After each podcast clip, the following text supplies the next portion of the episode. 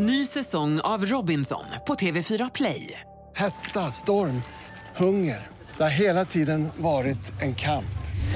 Nu är det blod och tårar. Fan händer just nu. Det. är Detta är inte okej. Robinson 2024, nu fucking kör vi! Streama söndag på TV4 Play. Du lyssnar på en podcast från Expressen. Fler poddar hittar du på expressen.se podcast och på iTunes. Det här är en inläst version av reportageserien Dagar som skakade Sverige, del 7. Historien om 9-11. Tvillingtornen i New York rasade. Försvarshögkvarteret Pentagon fick stora skador. Kongressen i Washington var nära att bli nästa mål. Terrorattackerna den 11 september 2001 tog 2997 liv. En tragedi som fortfarande ger eko runt om i världen.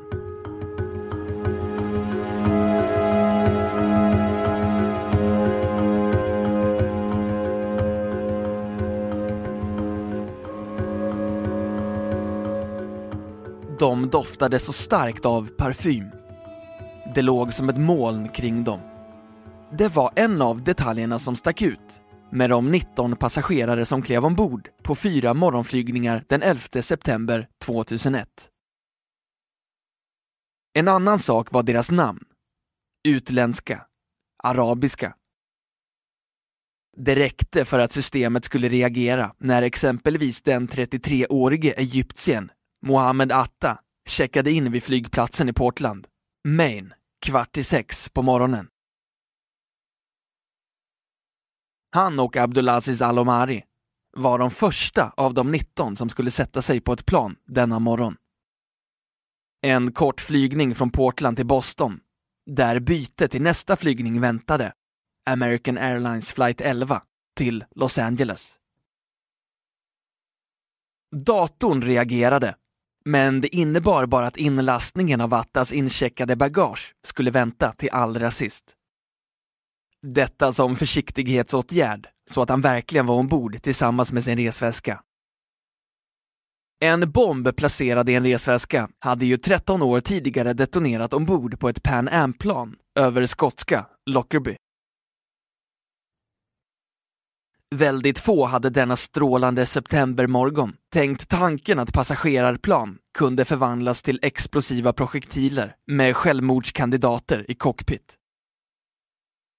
Men Mohammad Atta och de 19 andra hade gjort det.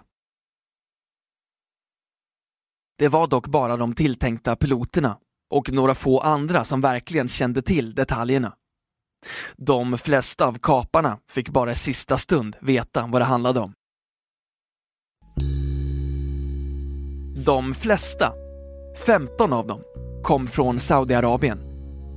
Saudier hade fram till 2001 inga problem att få visum till USA.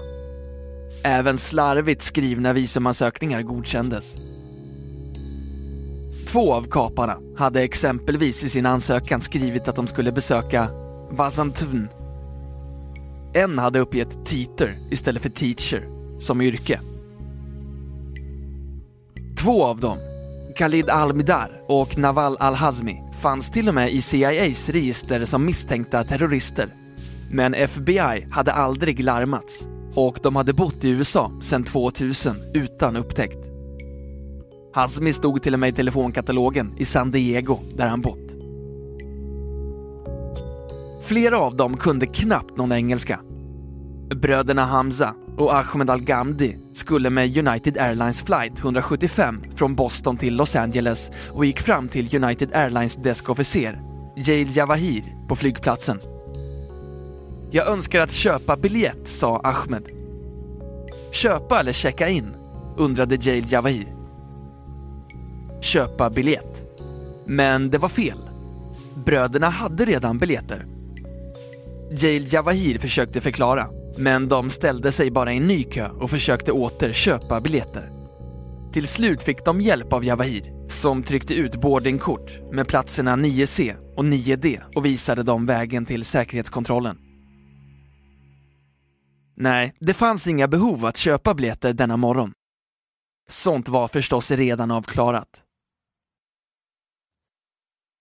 Almidar, en av de två som fanns på CIAs lista, var den första som köpte sin biljett den 25 augusti. American Airlines flight 77 från Washington till Los Angeles. Mohammad Atta, något av ringledare för gruppen, hade köpt sina tre dagar senare. Han skulle med AA flight 11. Han använde ett Visakort och köpte biljetten på American Airlines hemsida. Han samlade poäng också. Han hade öppnat ett konto med American Airlines Advantage-program tre dagar tidigare. De flesta hade bokat plats i första klass eller business. Därifrån hade de uppsikt över den främre delen av planet och cockpit. Den som hade i uppdrag att flyga planen, som Mohammed Atta, hade genomfört flera övningsflygningar tidigare.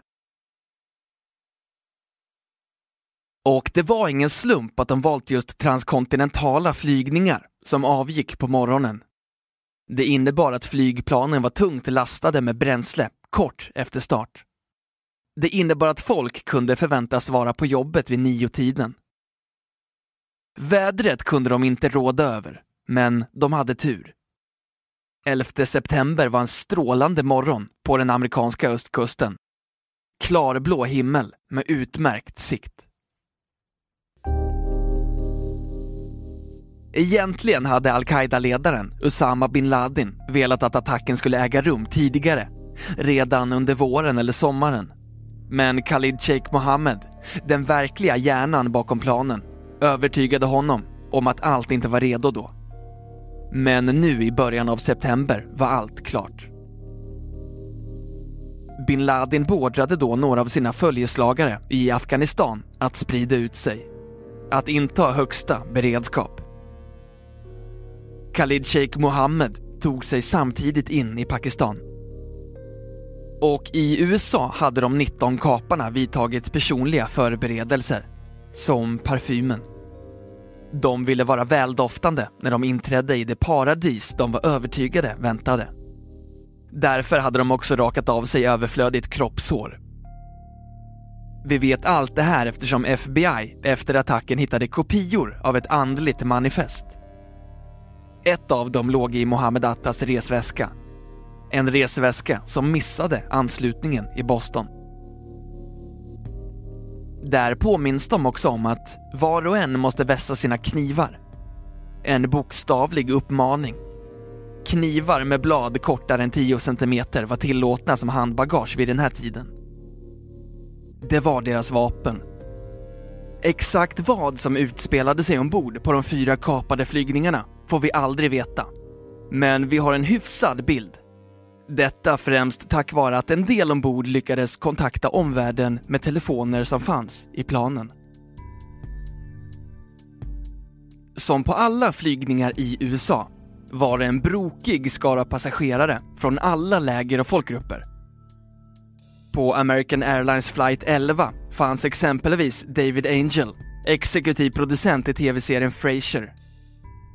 Där fanns fotografen Brinthia Berenson, änka efter skådespelaren Anthony Perkins. Där fanns Michael Theodoridis, på väg för att gifta sig med sin Rama, gravid i sjätte månaden. Och där i säte 8D satt Mohammed Atta. De övriga fyra kaparna satt på 8G, 10B, 2A och 2B. American Airlines flight 11 var det första planet som togs över. Det lyfte 07.59 från Boston och vi vet tämligen exakt när kaparna slog till.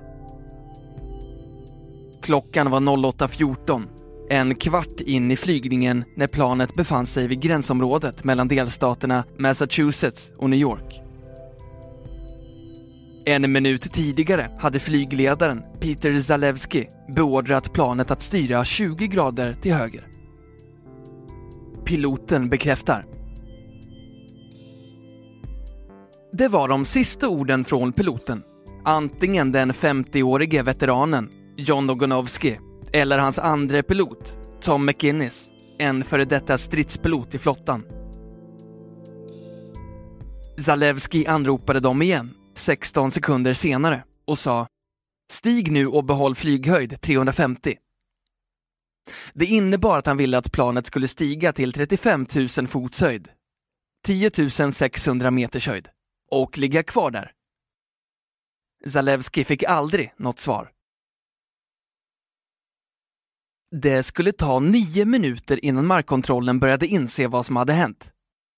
En man med arabisk brytning, med största sannolikhet Mohammed Atta, gjorde ett tillkännagivande till sina passagerare, men verkade av misstag också ha sänt budskapet till flygledarna på marken. Vi har några plan, var bara lugna och ni kommer att vara okej. Okay. Vi återvänder till flygplatsen. Han talade om plan i plural. Det skulle dröja ytterligare en stund innan omgivningen förstod innebörden av det. Men redan innan Atta gjort sitt tillkännagivande så hade 45-åriga flygvärdinnan Betty Ong kontaktat marken. Hon använde en av de telefoner som satt på baksidan av passagerarsätena och slog ett nummer hon var väl bekant med. Det gick till American Airlines ombokningscentral och flygvärdinnorna brukade använda det för att hjälpa passagerare som skulle vidare med anknytande flygningar. Vanessa Minter svarade på American Airlines kontor i Cary, North Carolina. Jag tror att vi har blivit kapade, hörde hon en röst säga. Betty Ongs samtal skulle vara i 28 minuter och hon lyckades förmedla en hel del av vad som hade hänt ombord. Jag är nummer tre, sa hon, i bakvagnen av planet. De svarar inte i cockpit. Någon har blivit knivhuggen i business class och jag tror att de har använt pepparspray, för vi kan inte andas. Jag vet inte, jag tror att vi har blivit kapade, säger hon. Hon hade rätt. En passagerare hade blivit knivhuggen. Daniel Lewin, en amerikansk-israelisk medborgare, hade säte 9B, en rad framför Satam al-Sugami, en av kaparna. Lewin förstod arabiska. Det är möjligt att han hade hört något. Men han var inte den enda som knivhöggs. Betty Ong kunde några minuter senare berätta att även de två flygvärdinnorna fram i planet blivit nedstuckna.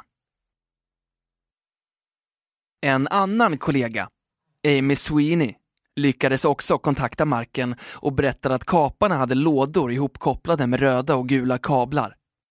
Hon tyckte att det såg ut som en bomb. Det var i själva verket attrapper för att hålla passagerarna på plats. Flygledarna hade helt tappat kontakten med AA Flight 11 och visste inte ens exakt var planet befann sig. Kaparna hade slagit av den transponder som sänder ut en ID-signal till omgivningen. Flygledarna kontaktade därför andra plan i närheten. Klockan 08.37 fick kapten Victor Saracini ombord på United Airlines 175 frågan om han kunde se ett plan i närheten. Han svarade att han såg planet. Men det skulle bara dröja ytterligare några minuter innan fem passagerare tog över kontrollen över hans plan. Hans transponder slogs av klockan 08.46. Det råkade vara exakt samma tidpunkt som AA-11 nådde sitt mål. Betty Ong och Amy Sweeney skulle hålla kontakten med marken ända in i slutet. Be för oss, uppmanade Ong kollegorna på marken. Hon berättade att planet ibland flög oregelbundet och gled i sidled. Hon meddelade också att de tappade i höjd. Sweeney upptäckte plötsligt var de befann sig. Över New York.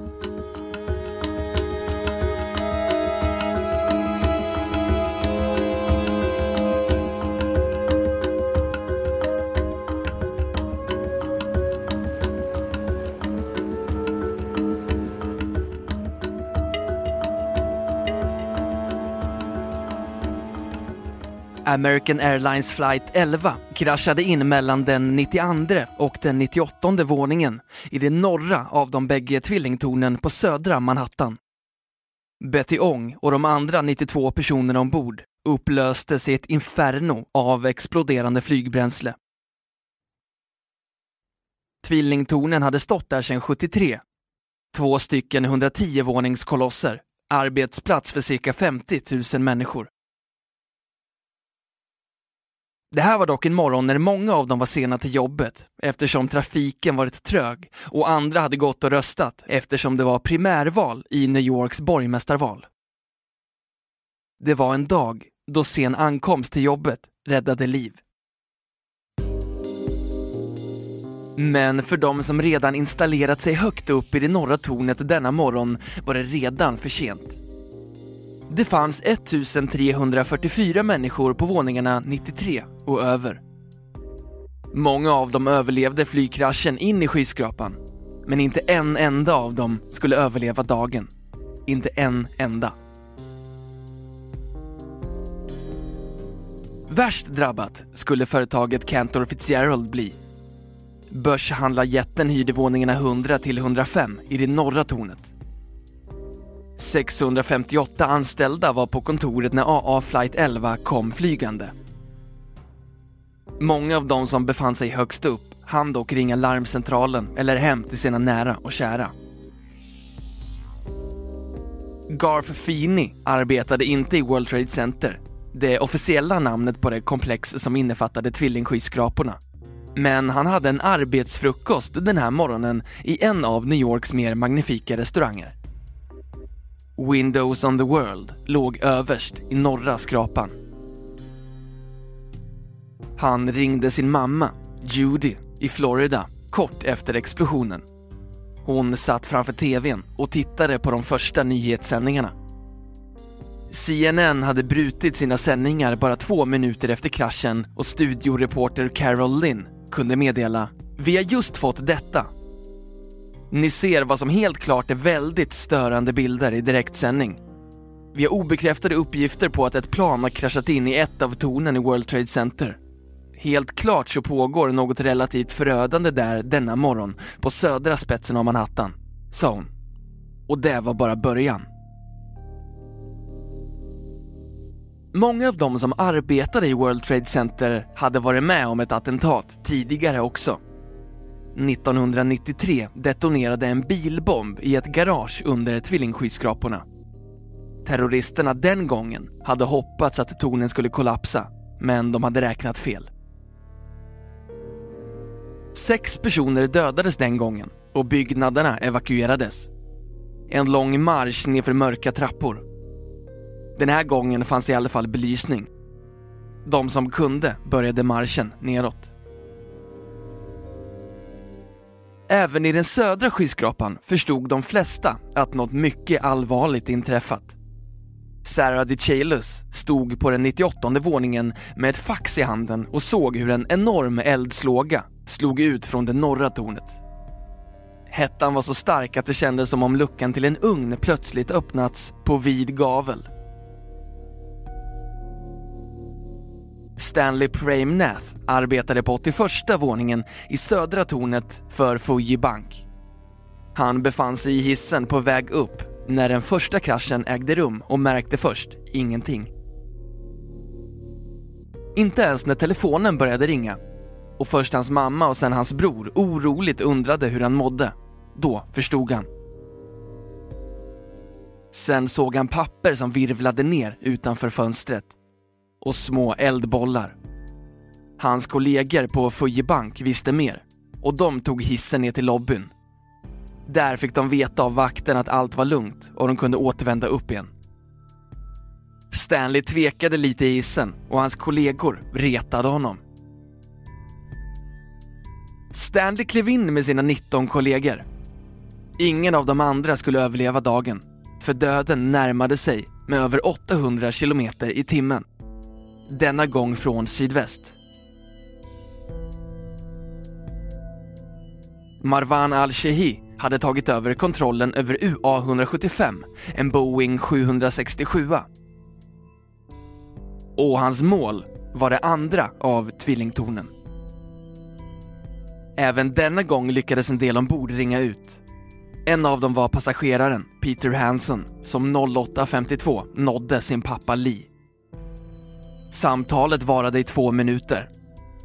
Lee Hansen slog på tvn och kunde där följa den osannolika nyheten att ett plan, ett litet plan hette det först, kraschat in i World Trade Centers norra torn. Så klockan 09.00 ringde sonen igen. Det börjar bli allvarligt pappa. En flygvärdinna är knivhuggen. De har knivar och pepparspray. De säger att de har en bomb. Jag tror att vi är på väg ner.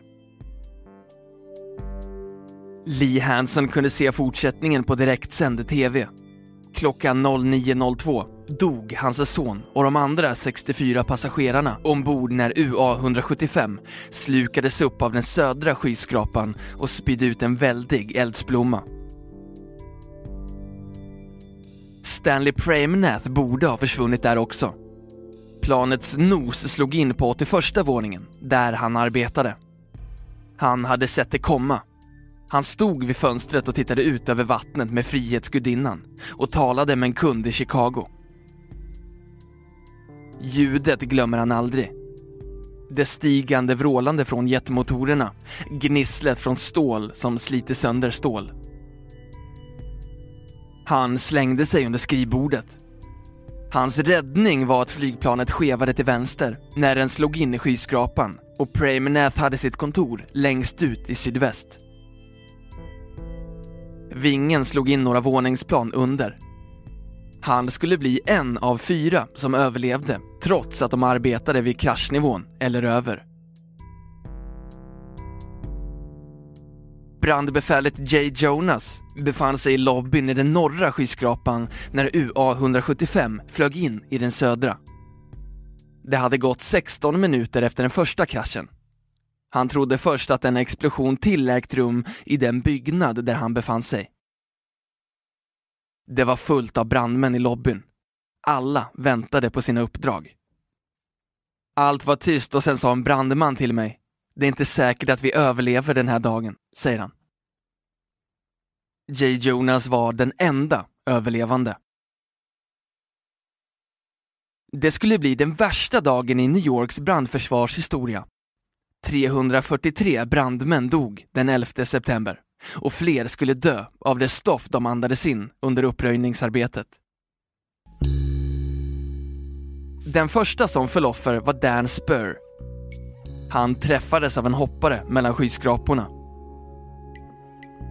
Hur många som valde, frivilligt eller ofrivilligt, att hoppa istället för att brännas kommer vi aldrig att få veta. Men ljudet av exploderande kroppar som slår i marken är en av många ohyggliga minnen som de överlevande i räddningspersonalen bär med sig från den här dagen. Och från klockan 09.02 så stod det klart för de flesta att USA var utsatt för en terroristattack av tidigare aldrig skådad omfattning. President George W Bush hade fått höra talas om den första kraschen när han var på väg in i Emma E. Bookers grundskola i Sarasota, Florida. Inom 90 sekunder kom stabschefen, Andrew Card, in och viskade i Bushs öra vad som hade hänt. Ett andra plan har träffat det andra tornet. Vi är under attack. Bush valde att sitta kvar för att samla tankarna och inte störa barnen. De började en läsövning, The Pet Goat, den tama geten. Vicepresident Dick Cheney var dock på plats i Vita huset, där även säkerhetsrådgivaren Condoleezza Rice befann sig. De högst ansvariga började samlas, däribland Dick Clark, som fram till nyligen varit ansvarig för USAs jakt på terrorister. Det började också stå klart att attacken antagligen inte var över än. Flygledarna hade redan 08.51 förlorat kontakten med ytterligare ett plan. American Airlines flight 77, en Boeing 757 på väg från Washington med destination Los Angeles. Ännu en gång lyckades en del passagerare ringa sina anhöriga. De berättade samma historia. Män med knivar hade tagit över planet. De visste det inte, men planet flögs nu av Hani Hanjour, den av kaparna med mest flygerfarenhet. Men så hade han också det svåraste målet, den väldiga men låga Pentagonbyggnaden, strax utanför Washington DC, på andra sidan Potomacfloden. Det gick att följa planet på radarn, men ingen visste vart det var på väg. Kanske kongressens väldiga vita kupol, kanske Vita huset. Ett flygledarbefäl på Reagan National Airport, precis intill Pentagon, stod i kontakt med Secret Service operationscentral i Vita huset. Vi har ett plan som är på väg mot er. Det kommunicerar inte med oss, säger han.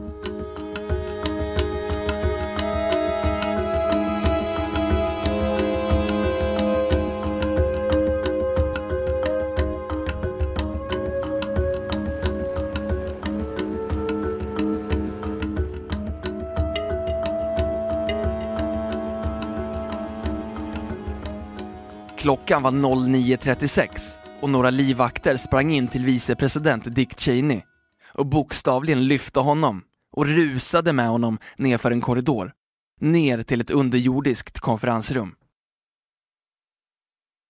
En minut senare small det igen. Boingen flög mot slutet så lågt att den slet ner ett par gatulampor. Men Vita huset var aldrig något mål för terroristerna. Det ansågs för litet, för svårt att träffa. Pentagon var en betydligt större byggnad och skulle vara ett slag mot USAs militära styrka. Tvillingtornen representerade landets finansiella styrka och det fjärde målet, kongressen, symboliserade politiken. Flight 77 träffade Pentagons västra sida med cirka 850 kilometer i timmen. Planet slog in strax över marknivån och förutom de 64 ombord så dödades 125 militära och civila i byggnaden. En del skulle hittas döda, fortfarande sittande vid sina skrivbord. Dick Cheney fick via CNN veta vad som hade hänt. Han satt vid telefon och väntade på att försöka få kontakt med president Bush. Inte heller försvarsminister Donald Rumsfeld gick att få tag på. Han var försvunnen. En del fruktade att han dödats. I själva verket var han på väg genom Pentagons myllrande korridorer för att med egna ögon se vad som hänt. Han kämpade sig ut genom en halvhängande dörr tillsammans med sin livvakt, Aubrey Davis. De klev ut i ett kaos av eld, flygplansspillror, kroppsdelar och skadade människor. Rumsfeld lutade sig ner och plockade upp en silverfärgad bit från flygplanet. När Rumsfeld gick bland vrakdelarna så var den fjärde flygkapningen redan ett faktum, sen över en kvart tillbaka. Men UA flight 93 från Newark till San Francisco skulle aldrig nå den destination kaparna hade planerat. Den amerikanska kongressen. Det var det sista planet som blev kapat och när passagerarna ännu en gång började ringa hem så fick de av sina anhöriga veta vad som hade hänt i New York. De la ihop två och två och beslutade sig för att kämpa tillbaka. Det var också det enda av de kapade planen med bara fyra terrorister ombord. En femte saudier hade blivit stoppad i Florida i augusti och inte släppts in i landet. Slagsmålet ombord varade i cirka fyra minuter och kaparen, Ziad Jara, försökte försvåra för de kämpande passagerarna genom att först skeva planet till vänster och till höger och sen stiga och dyka med planet. Men kaparna förlorade. Vi vet deras sista ord eftersom den svarta lådan hittades och fungerade efter kraschen. Är det här slutet? Ska vi krascha? Undrar en av kaparna klockan 10.02.23. Ja, sätt ner den. Krascha, blev svaret. Slutet kom vid en åker i Shanksville, Pennsylvania, istället för vid kongressen i Washington. Alla 44 ombord dödades omedelbart. Ingen på marken kom till skada. Men det var just inga utomstående som var medvetna om detta än. TV-tittare världen runt hade istället precis bevittnat något lika ofattbart som att se ett flygplan i direktsändning flyga rätt in i en av världens högsta byggnader. Några hade dock förutsett att det skulle hända. I lobbyn till World Trade Center 7 hade en grupp från borgmästarens kontor satt upp en ledningscentral. John Perugia representerade NIFD, brandförsvaret, och en ingenjör från byggnadsdepartementet berättade något för honom som han först hade svårt att tro. Byggnaderna löper en allvarlig risk att snart kollapsa. Perugia beslutade sig ändå för att varna sina befäl. Men eftersom radion inte fungerade blev han tvungen att sända en budbärare istället. Richard Zarrillo fick uppdraget och han nådde fram till brandchefen, Peter Gansey, strax före klockan 10.00. I samma ögonblick hörde Zirallo mullret från ovan. Det södra tornet hade precis börjat kollapsa. Det tog de som hade hoppat från skyskraporna cirka 8-9 sekunder att nå marken. Det tog inte många sekunder längre för de 110 våningarna att kollapsa och förvandlas till ett sju våningar högt ruinberg. Jeffrey Nausbaum satt fast i det norra tornet och hörde bara mullret. Han visste inte vad som hade hänt, men han satt på telefon med sin mamma, Arlene Nausbaum, som följde nyhetssändningarna hemma i Oceanside, New York, cirka tre mil bort. Det södra tornet har just kollapsat, upplyste modern. Antagligen insåg han vad det innebar. Det norra tornet skulle möta samma öde. Det skulle bara ta lite längre tid eftersom planet som kraschade in där hade träffat tornet högre upp och belastningen var inte lika stor på det yttre verk av stålbalkar som nu bar upp skyskrapan när den inre kärnan var skadad.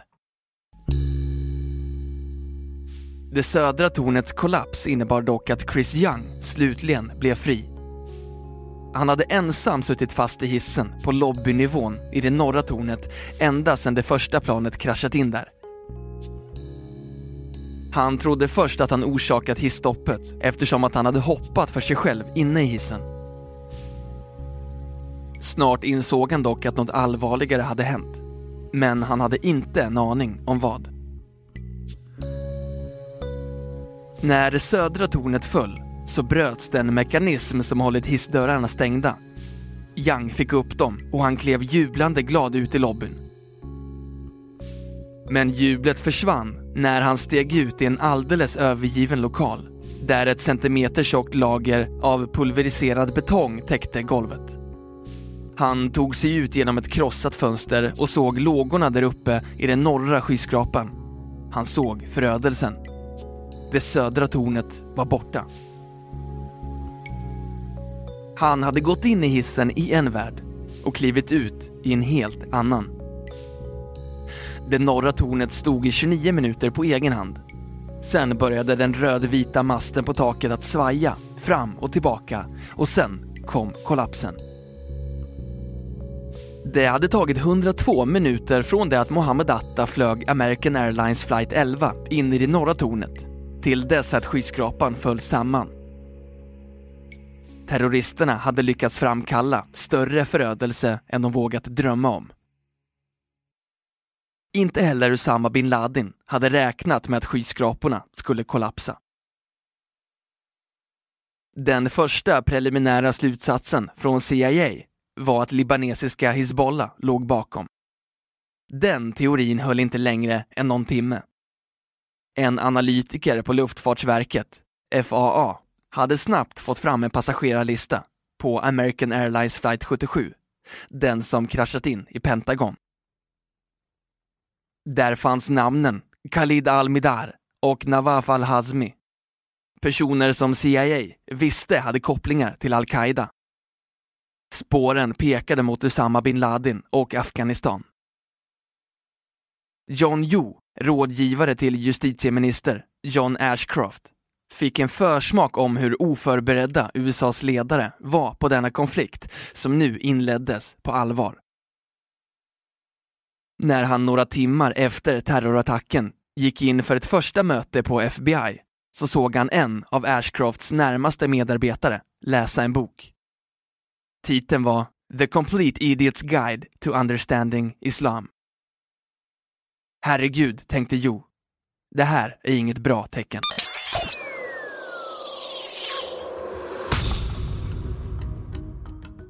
Det här var en inläst version av reportageserien Dagar som skakade Sverige. Del 7 om 9-11.